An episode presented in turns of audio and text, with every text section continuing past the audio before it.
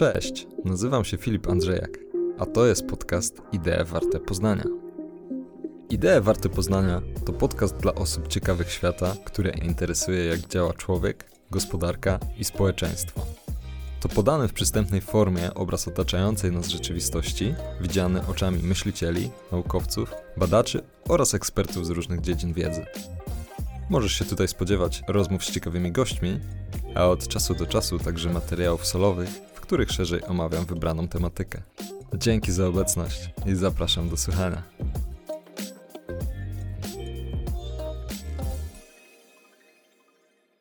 W dzisiejszym odcinku podcastu rozmawiam o transporcie z Marcinem Królskim, współtwórcą i członkiem zarządu firmy Relopak, zajmującej się pakowaniem przemysłowym, produktami opakowaniowymi do transportu oraz relokacjami zakładów przemysłowych. Zapraszam do rozmowy. Cześć Marcin. Cześć Filip. Dziękuję Ci, że przyjąłeś zaproszenie do podcastu. Chciałbym dzisiaj z Tobą porozmawiać na temat transportu towarów. Czymś takim, z czego może na co dzień sobie nie do końca zdajemy sprawę, ale tak naprawdę ma ogromny wpływ na to, jak funkcjonuje nasz świat. Bo żyjemy w świecie coraz bardziej zglobalizowanym, w gospodarce, która opiera się na handlu. I czasem może nie zastanawiamy się, jak to się dzieje, że te wszystkie towary podróżują po świecie. Więc dzisiaj chciałem się Ciebie o to podpytać, podyskutować. Powiedz może na początek, jakie w ogóle mamy drogi transportu towarów? Tak, no tych dróg mamy kilka, natomiast zasadniczą drogą, jeżeli chodzi o transport towarów, jest droga morska. I tak jak powiedziałeś, transport jest kluczową siłą, która napędza nasz e, gospodarczy rozwój. No, trudno byłoby wyobrazić sobie bez tego skomunikowania, jak działa międzynarodowy handel, czy jakakolwiek wymiana towarowa. Więc te usługi transportowe w czasach postępującej globalizacji są po prostu fundamentalne. Jeżeli chodzi o rodzaje transportu, mamy do dyspozycji transport morski, transport kolejowy, transport drogowy i transport lotniczy, jako takie cztery podstawowe kanały w mm, wymianie towarowej. Czyli to jest trochę też no, podobnie intuicyjnie, tak jak możemy powiedzieć, że my możemy się poruszać takimi rodzajami transportu jako ludzie, natomiast dzisiaj skupimy się nie na tym, jak się ludzie poruszają, tylko raczej jak się towary poruszają. Ale no, myślę, że to tutaj będzie dość intuicyjne. Dokład, mm. Dokładnie tak jest. Tutaj póki co jeszcze piątej, piątego kanału nie wymyślono, natomiast wymyślono sporo kombinacji i łączenia tych wszystkich kanałów i, i na tym polega jakby nowoczesny transport intermodalny, czyli w umiejętny sposób łączenie tych czterech kanałów, tak żeby minimalizować koszty, żeby poprawiać bezpieczeństwo i płynność transportu, także te towary najczęściej docierają do nas przy użyciu, no bardzo często przynajmniej dwóch albo nawet trzech sposobów transportowania. Czyli transport intermodalny to taki, gdzie wykorzystuje się gdzieś na całej drodze produktów różne rodzaje transportu, tak? Możemy połączyć sobie, nie wiem, morski, lądowy, drogowy, samolotowy, tak? Jak, jeśli dobrze rozumiem. Dokładnie, dokładnie na tym to polega.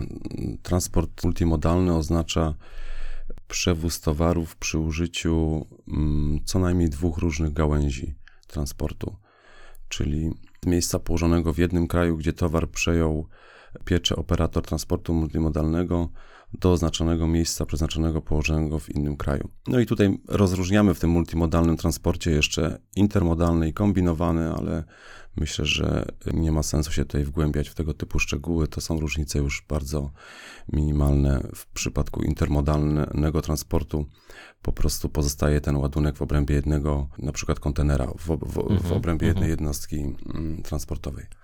Jak to wygląda, jak to jest zorganizowane, że jest to w stanie w płynny sposób pomiędzy tymi różnymi rodzajami, środkami transportu się poruszać, jeżeli chodzi o towary?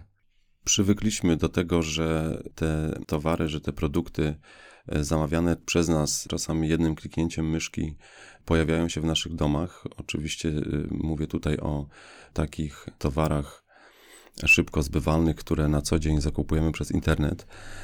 Natomiast to, że tak pięknie to wszystko działa, wynika ze skrupulatnie, skrupulatnie połączonej sieci procesów, które często w niezauważalny dla nas sposób powodują, że te produkty właśnie z punktu A do punktu B się mogą przemieszczać, przemierzając czasami kilka, nawet kilkanaście tysięcy kilometrów. Oczywiście w tle dzieje się cała praca, czyli przesyłanie informacji między określonymi podmiotami tego procesu, pomiędzy różnego rodzaju operatorami logistycznymi i specjalistycznymi firmami, które są za ten transport odpowiedzialne. Czyli, aby taki proces e, zakończył się sukcesem, ta nić powiązań pomiędzy producentem, pomiędzy magazynem, przewoźnikiem, czy bardziej, czy przy bardziej złożonych projektach, również przy udziale specjalistycznej firmy pakującej, musi funkcjonować bez zarzutów. Dużo zawdzięczamy tutaj standaryzacji i konteneryzacji, czyli można śmiało powiedzieć, że gdzieś tam od początku e, lat 60. XX wieku, kiedy wprowadzono, kiedy ustandaryzowano pierwsze kontenery, ten, ten transport towarów się w diametralny sposób zrewolucjonizował. Takim historycznie takim protoplastą dzisiejszego kontenera był projekt z początku XX wieku, gdzieś tam w 1914 roku Natomiast pierwszy kontenerowiec powstał w 20 chyba piątym roku mhm. w Australii i był w stanie już zabrać na swoją, na swój pokład 230 kontenerów. Także w porównaniu do, do tego, co mamy w czasach dzisiejszych, gdzie do już naszych portów polskich przypływają kontenerowce o ładowności powyżej nawet 23 tysięcy jednostek, mhm. no widzimy ten przyrost olbrzymi, to jest praktycznie 100 razy jedno, więcej. Jednostką tutaj jest właśnie kontener, tak? Jednostką tutaj jest kontener, dokładnie tak. Mhm. No to jest bardzo duża różnica w skali. A, a powiedz mi, to faktycznie jest tak, że ten standard kontenerowy jest taki ogólnoświatowy i on wszędzie funkcjonuje w taki sam sposób? Tak, no to, to ty, tylko i wyłącznie taka strategia mogła zapewnić możliwość wsparcia handlu międzynarodowego. Te standardy są określone co do wielkości, co do wagi, co do wytrzymałości. One mają ustalony tonaż, udźwig, który mogą e, wziąć na swój pokład i miejsca mocowania, tak żeby bezpiecznie te towary mogły przemieszczać się z miejsca na miejsce. Czyli można powiedzieć, że współczesny system transportowy jest oparty na takim, wydawałoby się, tak z boku zupełnie patrząc, relatywnie prostym wynalazku, czyli ustandaryzowaniu kontenera, w którym te towary przenosimy. Natomiast stanowi to podstawę całego systemu i tego, żeby mógł on sprawnie funkcjonować. E, powiedz mi, czyli jeżeli chodzi o te kontenery, to jest faktycznie tak, że mamy jeden taki standardowy kontener, do którego pakujemy towary i możemy go przewieźć zarówno statkiem, jak i pociągiem, jak i w transporcie drogowym, samochodowym. A jak wygląda z transportem lotniczym?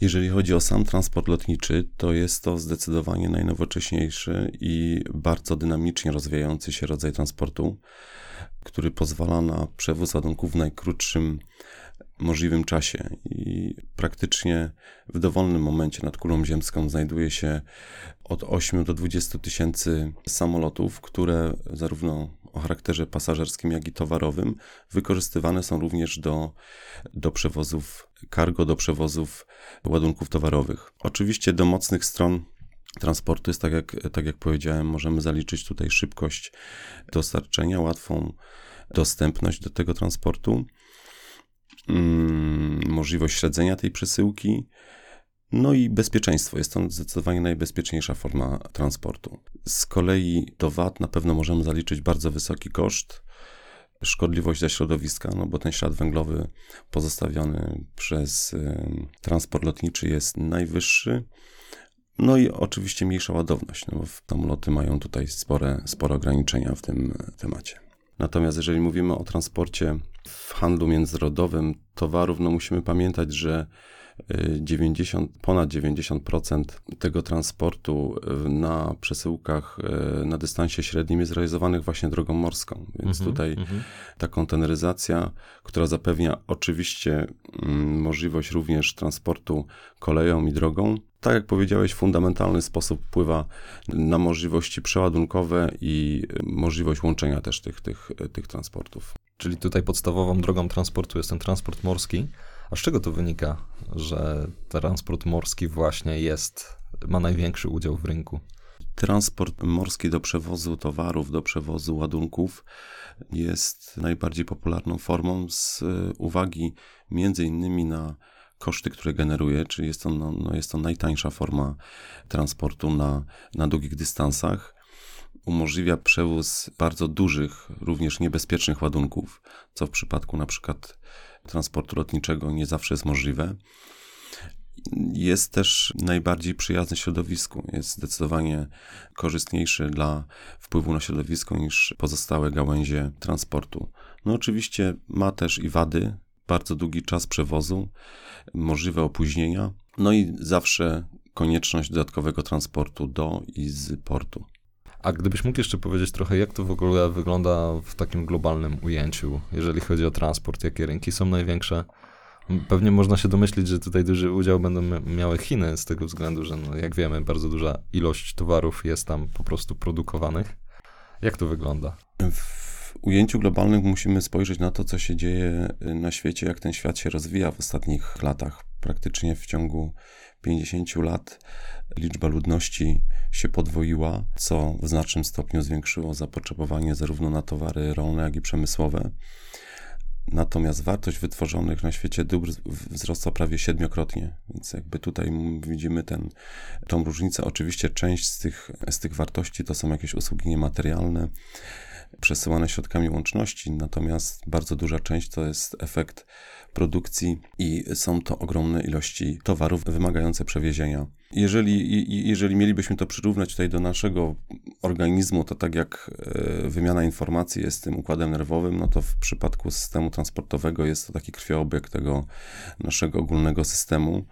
I jak łatwo się domyślić, największe szlaki handlowe przebiegają pomiędzy największymi producentami i największymi odbiorcami na tym świecie. Czyli tutaj Azja mm, jest tym graczem numer jeden. Główne szlaki żeglugowe łączą właśnie te centra przemysłowo-handlowe Ameryki Północnej z centrami Europy i Wschodniej Azji.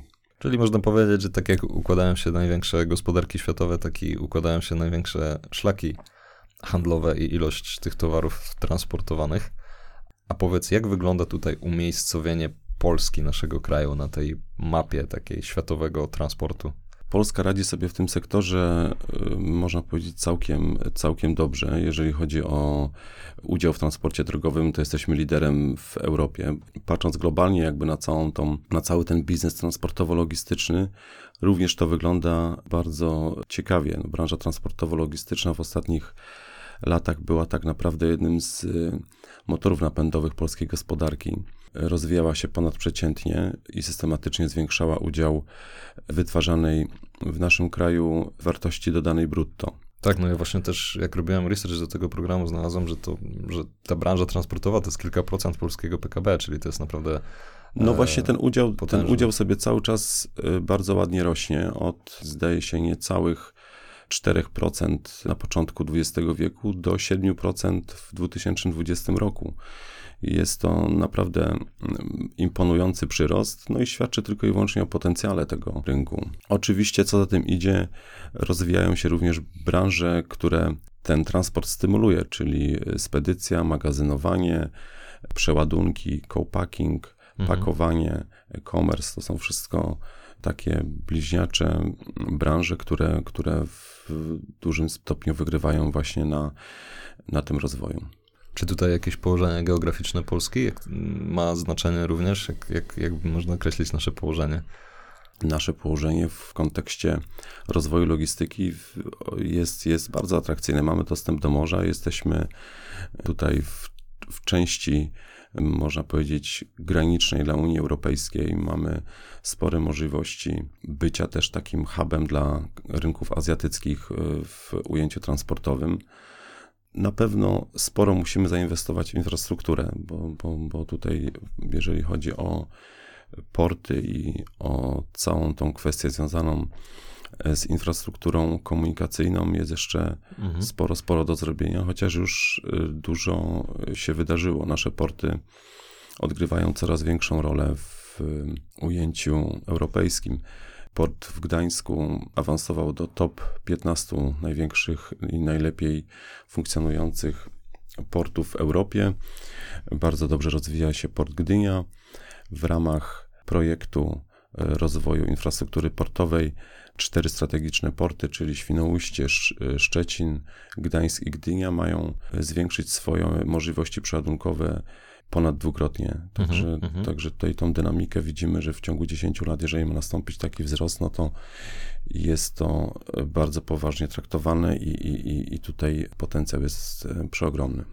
No dobrze, może teraz pójdziemy trochę w kierunku takich e, rzeczy, na których też bardzo dobrze się e, znasz, ponieważ na co dzień się tym zajmujesz, czyli w ogóle pakowania do transportu, zabezpieczania różnego rodzaju towarów. Gdybyś mógł tak zupełnie ogólnie opowiedzieć na temat, w jaki sposób się pakuje towary do transportu, żeby ten ich transport był bezpieczny, tak zupełnie wysokopoziomowo, może na początek, a później może byś, e, byśmy porozmawiali już o jakichś konkretnych przykładach.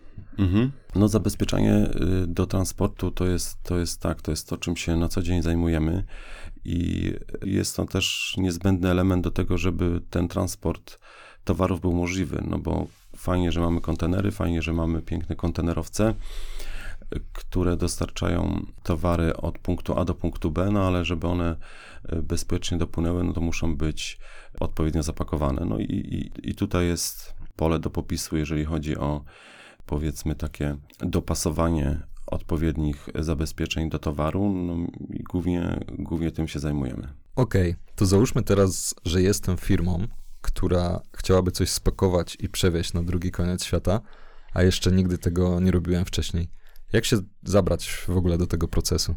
Proces to jest tutaj słowo klucz i należy, należy spojrzeć na cały tutaj ten, na całe to pakowanie właśnie jako proces, który musimy przeanalizować od samego początku i nadać temu jakiś plan działania.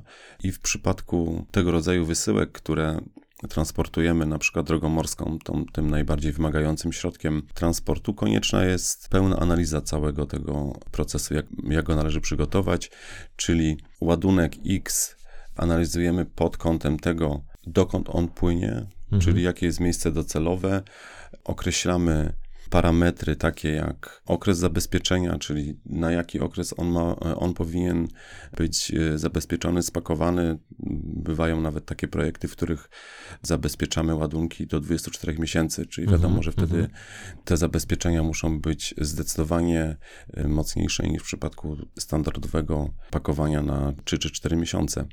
No i w zależności od tego, jaki, rodzaj, jaki to jest rodzaj ładunku, na y, jaki okres ma być spakowany i dokąd płynie, wybieramy do, y, odpowiedni rodzaj zabezpieczenia, czy to ma być opakowanie zamknięte, czy otwarte, czy jest wymagana ochrona antykorozyjna, dedykowane miejsca mocowania, to wszystko zależy od wagi, od gabarytów tego ładunku.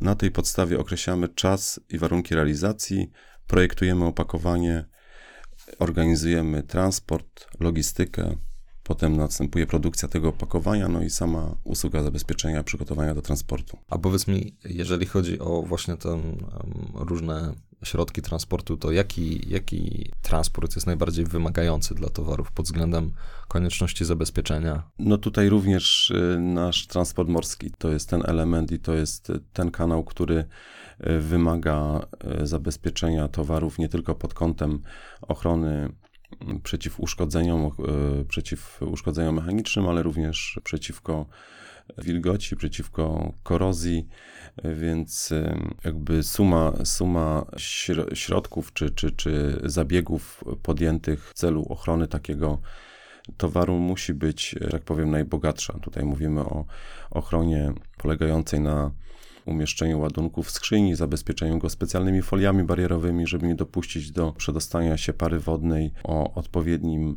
spięciu tego e, wszystkiego w jedną, w jedną całość, tak żeby bezpiecznie dotarło do celu. Mhm.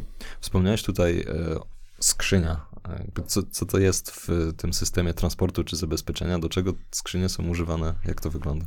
No, wspomniane kontenery są swego rodzaju takimi stalowymi skrzynkami. Mhm. W kontenerze morskiej umieszczamy różnego rodzaju ładunki. Mhm. Tak, żeby, żeby można było je po pierwsze przeładowywać Po drugie, żeby były chronione, najczęściej powstaje jeszcze no, opakowanie własne. Tak jak normalny produkt jest zapakowany w jakiś kartonik, no tak duże mhm. urządzenia i maszyny potrzebują opakowania bardziej stabilnego, mocniejszego i trwalszego. I tutaj na okoliczność takiego transportu najczęściej projektujemy skrzynie drewniane. Jest to cały czas najbezpieczniejszy rodzaj tego typu opakowania, które umożliwiają przeładunek, które chronią bezpośrednio ten towar przed y, zniszczeniem i umożliwiają umieszczenie takiego towaru w kontenerze i zabezpieczenie go, tak zwane zaształowanie, czyli unieruchomienie go w tym e, kontenerze, tak żeby podczas transportu nie przesuwał się w żadną ze stron. Mhm, mhm. Czyli można powiedzieć, że mm, te skrzynie to są takie kartony, tylko że dla trochę większych bardziej masywnych. Takie pudełeczka. Takie pudełeczka po prostu. E, a jeszcze jest taka jedna rzecz, o której nie mówiliśmy, a też mi się kojarzy mocno z transportem, czyli to są w ogóle palety, no bo jak sobie też wyobrażamy takie, nie wiem, towary przyjeżdżające do sklepu, to one są rozpakowywane z palet. Jaka tu jest rola właśnie też palet w transporcie? Można powiedzieć, że rola palet w transporcie jest podobna do, do kontenerów. One są wprawdzie nie, nie aż tak bardzo zrewolucjonizowały transport jak kontener, natomiast y, standaryzacja, czyli sprowadzenie ich wymiarów do jakichś tam określonych, y, znormalizowanych wartości spowodowało, że każdy na hasło paleta wie, o czym mhm. y, potrafi sobie ją wyobrazić, wie, jak ona wygląda, wie, jakie ona ma wymiary i umożliwia to ułożenie wszelkiego rodzaju transportu, czy drogowego, czy morskiego, w jakiś poukładany sposób. Europaleta to się też nazywa chyba, z tego co dobrze pamiętam. Tak, tak jak staje przed oczami, no to to jest właśnie to, o co, o co chodzi i co też usprawnia proces transportu towarów. Mm, no dobrze, a powiedz mi w takim razie, bo też powiedziałeś, że tu jest taka standaryzacja mocno panująca w tym transporcie towarów. A jak to wygląda w przypadku przewiezienia jakiejś rzeczy, która jest niestandardowa? Która jest na przykład duża i w ogóle nie zmieściłaby się w te standardowe opakowania, nazwijmy to w ten sposób. No to idąc od początku, bo tymi transport, transportami ponadnormatywnymi się w dużej mierze zajmujemy, bo tak naprawdę nasze zapotrzebowanie na, na specjalistyczne usługi pakowania najczęściej zachodzi przy niestandardowych mhm. gabarytach i przy niestandardowych ładunkach. No i tutaj idąc od samego początku, jak sama nazwa wskazuje, ponad gabaryt, niestandardowy wymiar wymaga też niestandardowych e, rozwiązań i po, począwszy od załadunku na kontener, e, który już e, też musi być dopasowany do, do tego ładunku. To są najczęściej albo jakieś platformy, albo tak zwane flatraki, czyli to się nazywa kontener, ale one nie mają ani ścian, ani okay. boków, tak? I tam taki ładunek możemy załadować na tego typu platformie, na tego typu kontenerze. I no, wchodząc już tutaj jakby dalej w rodzaje transportu, no, w przypadku transportu drogowego on musi sobie pod specjalną opieką zostać przetransportowany do portu, w porcie albo statkiem drobnicowym, albo w maszynowni statku normalnego kontenerowca zostaje wysłany dalej w świat. Mhm. No, czyli też można się domyślić, że no, niestandardowy transport to też będą, wiadomo, większe koszty, no bo to się wiąże z zupełnie innym procesem przygotowania czy zabezpieczenia tego wszystkiego. A gdybyś mógł podać jakieś przykłady właśnie takich transportów niestandardowych, które realizowaliście? Co, co, co można, a czego nie można przewieźć w ogóle? Przewieźć można wszystko, tylko trzeba dobrać do tego odpowiednie narzędzia.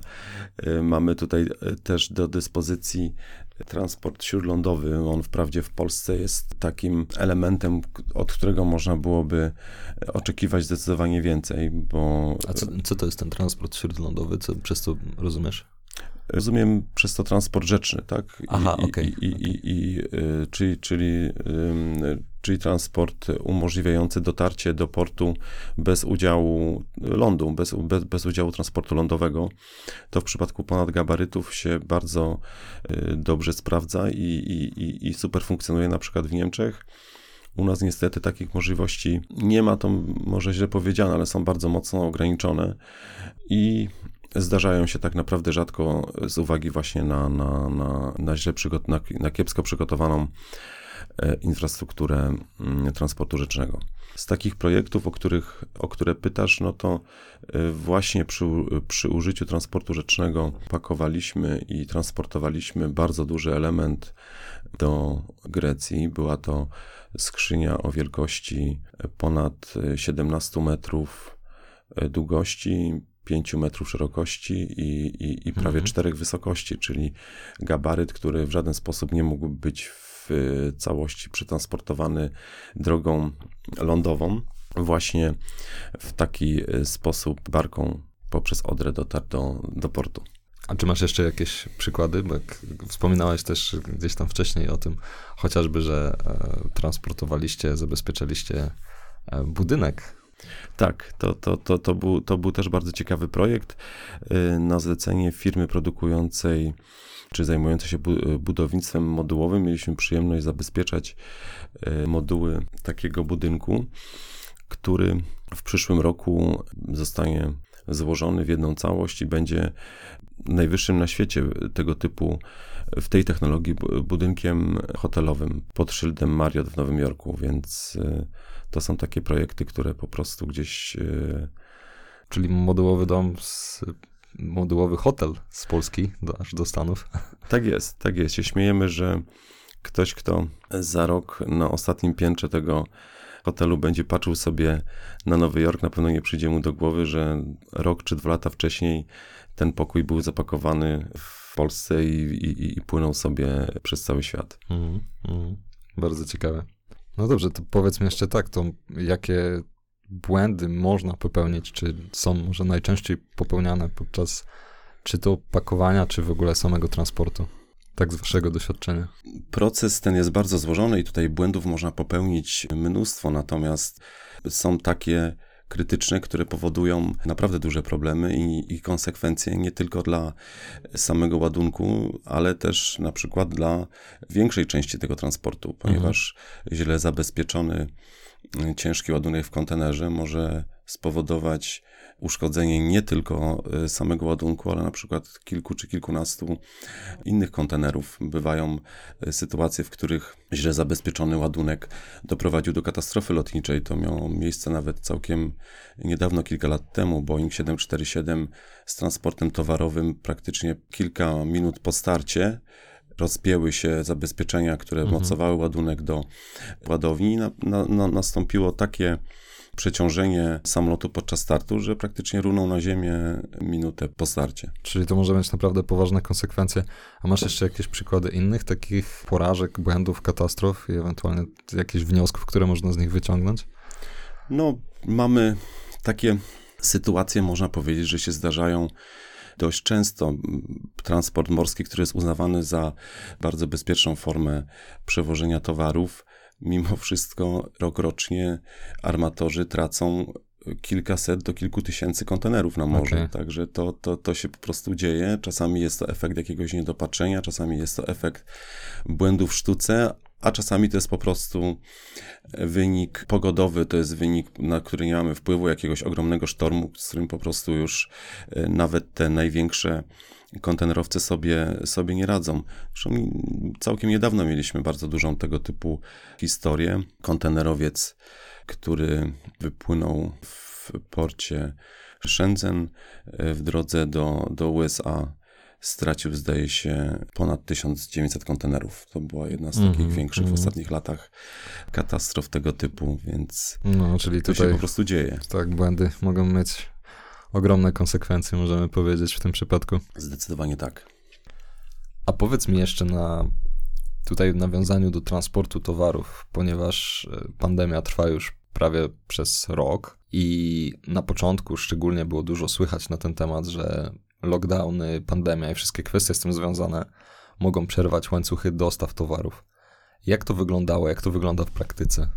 W praktyce faktycznie takie sytuacje miały miejsce, no i, i, i tutaj możemy zaobserwować w 2020 roku e, spadki w tych e, wszelkich rejestrach udziału mm, w rynku transportowo-logistycznym. E, szacuje się nawet, że COVID-19 spowodował, spowodował spadek wartości dodanej brutto w branży logistycznej w około 6%, czyli jest to dużo. Moim zdaniem branża jako cała obroniła się całkiem e, nieźle, to znaczy w pewnych rejestrach pojawiły się e, spadki, ale w innych pojawiły się bardzo duże wzrosty. Tutaj mam na myśli e-commerce, mam na myśli tutaj inne mhm. E, obszary logistyki, które bardzo szybko się rozwijają. Na naszym rynku Widać, że firmy i logistyczne, i transportowe też sobie z tym tematem jakoś poradziły. Oczywiście ograniczenia wprowadzone w celu zwalczania pandemii musiały wpłynąć na to, co się dzieje w e, transporcie, no bo miały wpływ na to, co się dzieje w przemyśle, w gospodarce. Mhm. Poniekąd ten transport, logistyka są papierkiem lakmusowym tego, co się dzieje w handlu międzynarodowym, tego, co się dzieje w przemyśle, w gospodarce i e, zakłócenie tych łańcuchów dostaw, przerwy w produkcji, produkcji, zmniejszone zapotrzebowanie na pewnego rodzaju produkty musiały wywołać też spadki na, na rynku logistycznym. No bo takiej tragedii też można powiedzieć, że nie było, tak znaczy w sensie, żeby zabrakło jakichś towarów w sklepach, tak już z punktu widzenia klienta, no to raczej wynikało to ewentualnie z tego, że ludzie rzucili się, żeby ten no, słynny papier toaletowy chociażby e, wykupywać, tak, e, na raz, no i to było już takie fizyczne ograniczenie logistyczne. Natomiast generalnie rzecz biorąc, myślę, że po tym pierwszej panice dosyć szybko ludzie zauważyli, że jednak ten towar się pojawia, jest uzupełniany, tak, i chyba już w tym momencie się nikt tym nie stresuje jakoś super mocno, przynajmniej to jest takie moje wrażenie. Tak, zgadza się. Można powiedzieć, że te łańcuchy dostaw, ta cała zsieciowana infrastruktura transportowa została może w niektórych miejscach delikatnie naderwana, zakłócona. Pojawiły się jakieś anomalia cenowe. Tutaj mam na myśli ceny frachtów morskich, które poszybowały do góry, czasami nawet o 1000%. Natomiast jeżeli chodzi o funkcjonalność i zapewnienie takiego bezpiecznego transportu, e, bezpieczeństwa przesyłek w ujęciu handlu międzynarodowego, to został, to został on utrzymany i, i nie było momentu, w którym, w którym moglibyśmy się czuć zagrożeni, że tak naprawdę materiały, urządzenia i towary pierwszej potrzeby zostaną e, niedostarczone, ich zabraknie. Mhm. No ale mimo wszystko chyba sama pandemia, tutaj te wszystkie wydarzenia z nią związane też unaoczniły kilka takich wyzwań czy problemów, z którymi cała branża się będzie musiała zmierzyć i chciałbym, żebyśmy sobie o tym może teraz porozmawiali. Mm, jednym z takich wyzwań na pewno będzie kwestie związane z chociażby właśnie y, geopolityką, jakimiś wojnami celnymi, chociażby pomiędzy Stanami Zjednoczonymi i Chinami. Jak to może wpłynąć na ten krajobraz światowego rynku transportowego? Być może nastąpią takie decyzje wśród tych największych graczy światowych, które spowodują, że dojdzie do większej rejonalizacji y, dostawców usług i towarów. Tak? To, co w tej chwili się dzieje w ujęciu transportu międzynarodowego, czasami można uznać za swojego rodzaju wariactwo i nieracjonalność. Tak? Mamy z naszego podwórka to, co my widzimy, sklejka do produkcji naszych skrzyń zakupowana jest na rynku niemieckim, a pochodzi z Brazylii. Mhm. Brazylia czuje swoje e, lasy po to, żeby sadzić na nich soję i wysyłać ją drogą e, morską do Chin, gdzie, gdzie karmią kurczaki tą, tą soją, więc można łatwo wyobrazić sobie sytuację, w której pracujemy na sklejce produkowanej w Polsce, kurczaki chińskie karmione są soją hodowaną w Chinach, a w Brazylii na tym, w tym samym miejscu dzieje się coś zupełnie innego, czyli tak naprawdę bez e, dodania żadnej nowej funkcji, nowego towaru, ucinamy pewne gałęzie, pewne odcinki tego, te, te, tego transportu. No, na pewno z korzyścią dla ekologii, na pewno z korzyścią dla środowiska. Mhm. Czyli z jednej strony to mogą być takie rzeczy, które no, ograniczą czy wpłyną negatywnie powiedzmy na samą wielkość branży transportowej, no ale z drugiej strony sprawiam, że może będzie więcej takiej logiki i niekoniecznie też podążania tylko i wyłącznie za optymalizacją, czy taką super optymalizacją kosztową, no ale też przemyśleniem się, tak, co się stanie, jeżeli mm, jednak nie będziemy w stanie czegoś dowieść, tak, czy wy, może lepiej zainwestować trochę więcej, wyprodukować to u siebie. Myślę, że tutaj słowem e, klucz będzie racjonalizacja i efektywność ten, ten rynek wcale nie musi się zmniejszać. On myślę, że będzie cały czas rósł, natomiast będzie, zasoby będą lepiej i właściwiej wykorzystywane. To będzie miało tutaj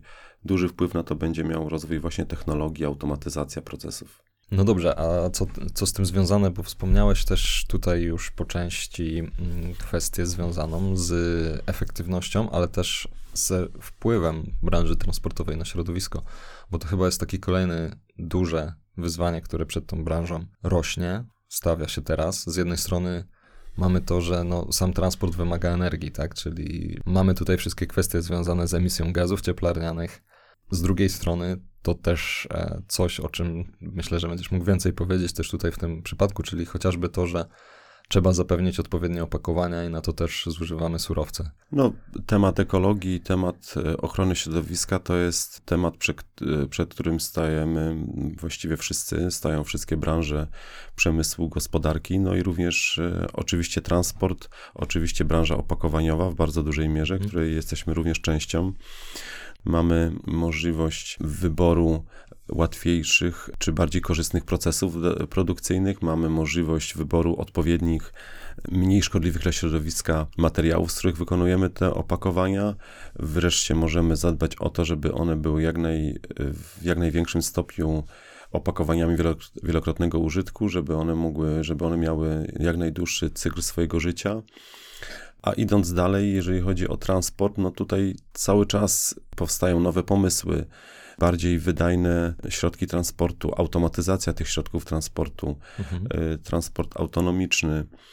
W tej chwili armatorzy pracują nad coraz bardziej korzystnymi dla środowiska statkami, również kontenerowcami. Powstają kontenerowce oparte o napęd na metanol, który jest praktycznie neutralny dla środowiska. Widzimy powrót do statków napędzanych siłą wiatru, mhm. również w obszarze transportu kontenerowego. Także tutaj się dzieje bardzo dużo. Na pewno funkcjonowanie portów morskich odegra również bardzo ważną rolę w tych, wręcz kluczową w obsłudze i, i poprawie efektywności również ekologicznej tutaj bardzo dużą, bardzo dużą szansę na poprawę tej efektywności jest sieć 5G, która umożliwi sieciowanie tych portów i poprawę ich efektywności, więc pole do poprawy, pole do optymalizacji jest, jest przeogromne. Powiedz mi, jakie uważasz, jakie czynniki są kluczowe, żeby te zmiany mogły być wprowadzane, chociażby w tym segmencie opakowań, w których działasz? Jakby co tu jest najbardziej potrzebne? Jakieś zachęty, czy może, nie wiem, edukacja, wiedza? Jak to wszystko wygląda? No, myślę, że przede wszystkim świadomość i e, mówię tutaj nie tylko o świadomości firm, producentów, ale też e, nas, konsumentów. Tak, cały czas e, żyjemy w świecie, w którym kupujemy oczami, w którym przyzwyczajeni jesteśmy do pięknych, estetycznych i atrakcyjnych wizualnie opakowań. Wydaje mi się, że ta era będzie powoli musiała się kończyć albo, albo przynajmniej troszeczkę zmienić. My wprawdzie w swojej branży jesteśmy przyzwyczajeni do troszeczkę innej, mhm. E, do innego podejścia do opakowania, bo, bo w przypadku tego, co my robimy, najczęściej mm, nasze opakowania spełniają właśnie tą funkcję zasadniczą, czyli funkcję ochronną, funkcję umożliwiającą transport, funkcję przeładunkową. Natomiast w branży opakowaniowej, no to umówmy się, najczęściej to na podstawie wyglądu tego opakowania, tego jakie ono, jak ono zostało zaprojektowane, jak ono wygląda, często podejmujemy decyzję o mhm. zakupie lub nie. A czy widzisz jeszcze jakieś duże innowacje na szeroko pojętym tym polu, które mogą zmienić krajobraz rynku? Opakowaniowego? I opakowaniowego, ale też ogólnie szeroko transportowego, bo wspomniałeś o sieci 5G, czyli możliwości jakiejś większej optymalizacji wspomniałeś przez chwilę, znaczy ja też robiłem materiał o autonomicznych y, pojazdach, y, samochodach. Mm, pytanie, czy ta autonomiczność też da się przełożyć w jakiś sposób na ten transport. Ja się skupiałem bardziej na transporcie osobowym, czy to w tym transporcie towarowym też może mieć duże znaczenie. Jakie jeszcze tutaj możemy mieć innowacje na tym polu? Czy będziemy mieć autonomiczne statki, czy też będziemy mieć sieć 5G, która połączy porty i zmieni sposób ich funkcjonowania. No właśnie ta sieć 5G, od, od której wspomniałaś, okazuje się być tutaj sprzęgłem w rozwoju tych wszystkich mm, technologii i, i, innowacji, właśnie również w obszarze portów. I tutaj, i tutaj możemy, po, możemy powołać się na mm, analizę szwedzkiego Ericssona, czyli dostawcy usług telekomunikacyjnych, który dokonał e, takiej analizy i raportu, z którego wynika, że właśnie kluczowym motorem przyspieszonego rozwoju będzie właśnie automatyzacja operacji, wspierana przez e, sieć 5G. I tutaj analizie poddano, analizie poddano różnego rodzaju rozwiązania, między innymi właśnie w tej portowej przestrzeni automatycznych suwnic bramowych, zdalnego sterowania y, żurawiami, automatycznymi y, wózkami i pojazdami, automatyczne monitorowanie stanu kontenerów, użycie dronów do nadzoru i dostaw mhm. towarów. No i to przy, przy takim um, olbrzymim udziale przepływu informacji bez sieci 5G to po prostu by nie było moż, y, możliwe. No i i to, to, no, to jest też obszar, który bardzo diametralnie jest w stanie poprawić funkcjonowanie tych portów, ich wydajność, bezpieczeństwo, a co za tym idzie również ekologię. A powiedz mi, jak ty widzisz przyszłość tej branży, rozwoju, jak, jak ten transport towarów będzie wyglądał w przyszłości? Jak to się wszystko będzie odbywać? Sam transport towarów, no wszystko na to wskazuje, że, że będzie odbywał się z coraz mniejszym udziałem, udziałem operacyjnym człowieka. Autonomiczne pojazdy, mamy e, bezzałogowe magazyny, mamy aplikacje i programy, które wspomagają albo wręcz wyręczają czynnik ludzki w większości e, operacji. No i to na pewno jest ta jedna strona, ten, ten, mhm. E, ta sfera technologiczna rozwoju. Druga kwestia, która na pewno e, stoi przed transportem, przed w ogóle przed gospodarką, no to jest też, no to są zmiany organizacyjne. I tutaj to, to co my, my jesteśmy w stanie zaobserwować na swoim podwórku i w swojej branży, no to, to, to są te rzeczy, które w przyszłości też będą w stanie być inaczej zorganizowane, tak? Mhm. Czyli mam tutaj na myśli ekonomię współdzielenia, gospodarkę magazynową, również dzięki technologii, łączenie pewnych rzeczy. No właśnie, to jest bardzo ciekawa kwestia, bo ta ekonomia współdzielenia na tym rynku, powiedzmy, że konsumenckim, myślę, że już jest coraz popularniejsza, dużo ludzi to kojarzy. A jak to wygląda na tym rynku cargo, nazwijmy to w ten sposób? Czy takie modele w ogóle funkcjonują? O ekonomii współdzielenia mówimy w obszarze zasobów, czyli o możliwości wykorzysta wykorzystania transportu, o możliwości doładowywania przestrzeni ładunkowych, mhm. o y, wykorzystywaniu magazynów, o y, różnego rodzaju lepszym wykorzystaniu tych samych zasobów, natomiast ekonomia współdzielenia może występować również na poziomie organizacyjnym i biznesowym, czyli połączenie sił e, dwóch, trzech firm z branży po to, żeby sprostać jakimś większym projektom, które na tym etapie swojego rozwoju nie byłyby w stanie w pojedynkę e, zrealizować. I myślę, że w dzisiejszych czasach, które bardzo szybko się zmieniają, bardzo szybko następują zmiany, transformacje w różnego rodzaju sektorach gospodarki i tylko tego typu działanie, tylko tego typu sojusze zawierane na potrzeby realizacji e, konkretnego projektu mogą w stanie sprostać potrzebom rynku, ponieważ firma X, która zaplanuje sobie budowę infrastruktury lub mm, rozwój do momentu, w którym będzie gotowa na realizację takiego projektu, jaki chciałaby w tej chwili zrobić, zajmie jej to dwa lata, za dwa lata już wyzwania będą zupełnie inne i, i, i rynek będzie też w innym miejscu. No to są bardzo ciekawe wątki. Czy oprócz tych rzeczy mm, związanych stricte już tutaj właśnie z rozwojem technologii, czy z tą ekonomią współdziałania, widzisz jeszcze jakieś takie rzeczy, które mogą wpłynąć na kierunek czy kształt tej branży w przyszłości?